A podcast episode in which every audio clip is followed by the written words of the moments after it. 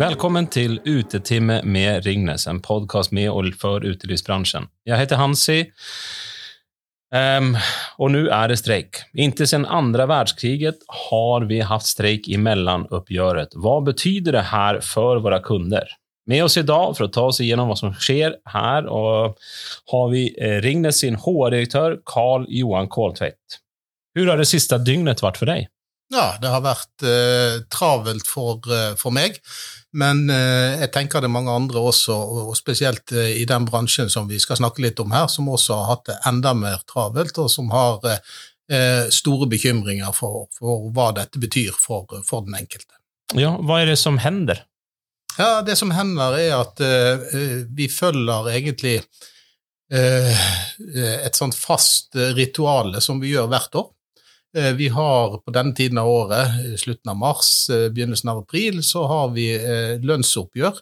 Det kalles annethvert år for hovedoppgjør. I år så er det et såkalt mellomoppgjør. Da møtes partene i arbeidslivet. De diskuterer, eller forhandler, som vi sier. De ble ikke enige i årets forhandlinger, og det ble et såkalt brudd den 30. mars. Eh, og så gikk de inn i megling nå eh, på fredag eh, som var, og dessverre så, ble de ikke enige. Og da er konsekvensen av denne manglende enigheten at, det blir streik. Og streiken den startet klokken 0600 på, på mandag. Ja, hva, hva, betyder det oppe på, på, på Ringnes på Gjelleråsen? Det er et stort anlegg. Hva betyder det? De stenger dørene? Bare slår man igjen dørene Altså, Hva hender med produksjonen da? Det som, det som skjer eh, når en streik inntreffer, det har vi forberedt godt. Eh, det har vi også gjort eh, dette året.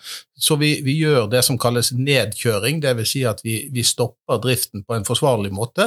Eh, og alt dette skjer i, i god dialog med, med, de ansatte og de som, eh, som, skal ut eller som er i streik. Så, så det var en forsvarlig eh, nedkjøring. Eh, men eh, det er helt riktig som du på en måte antyder. Eh, fra klokken seks på mandag morgen så var det for alle praktiske formål stopp i produksjon og stopp i utkjøring.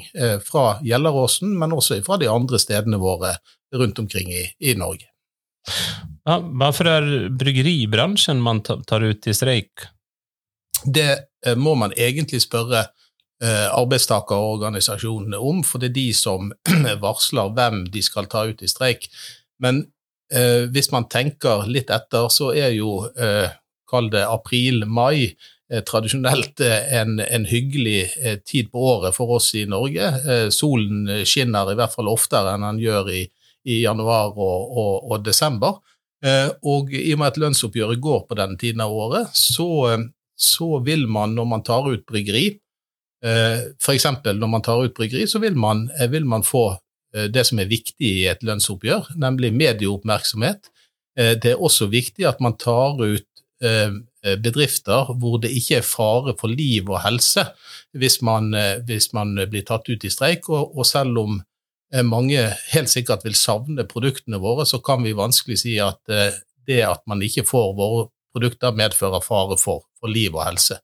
Det er også en sånn vurdering som ligger bak at eh, de samfunnsmessige konsekvensene for øvrig ikke er for store, eh, slik at en, en streik vil bli avbrutt eh, raskt hvis det f.eks. er fare for liv og helse, som, og da slår man inn med det som kalles tvungen lønnsnemnd. Det blir litt teknisk, dette her, men, men det har vært i, i, mange, mange år så har, vært, har bryggeribransjen vært de første som blir tatt ut eh, i streik, eh, hvis det blir en streik, sånn som det har blitt i år. Men vi, vi har også ofte nevnt at det her er første gangen i et mellomoppgjør siden andre verdenskrig man, man, har gått til streik. Hvorfor, hvorfor tror du det hender i år? Det hender, det er helt riktig det du sier. Det er første gangen siden andre verdenskrig at man streiker i et mellomoppgjør. og Nå skal jeg prøve å, å ikke gjøre det for teknisk igjen. Et hovedoppgjør så diskuterer man Eh, prinsipper og tekst i de forskjellige avtalene, i, i, i tillegg til penger.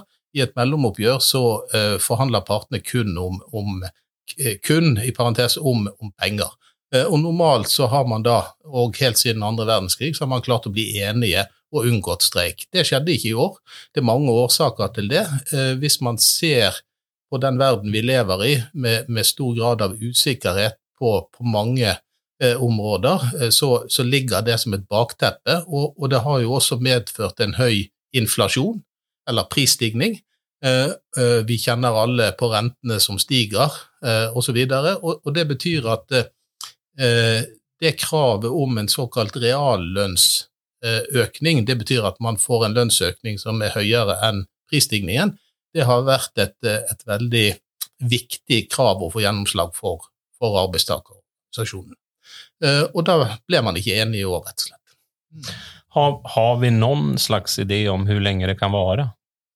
Ja, Hvis jeg kunne svart på det spørsmålet eh, eh, og, og, fått en sum for hver gang jeg har blitt stilt det siden eh, søndag klokken fire cirka, så hadde jeg vært en rik mann. Eh, så svaret til deg, eh, eller til de som, som hører på denne, det er eh, nei. Det har vi ikke noen anelse om. Eh, så kan vi håpe at den blir så kortvarig som mulig, men, men vi vet rett og slett ikke. Aha. Men hva, hva, hva, skal våre utelivskunder gjøre nå? Altså, er er det bare slutt når det er slutt? Nei, altså, Utelivskundene, jeg håper jo at de har eh, Først så håper jeg at streiken eh, blir avviklet så raskt som mulig, slik at vi kan levere og gjøre den jobben vi ønsker å gjøre, nemlig å få produktene våre, våre fram til, til kundene. Eh, og så er det rett og slett å, å, i den grad det er mulig, være tålmodig og så håpe på at, at streiken går over. Mm.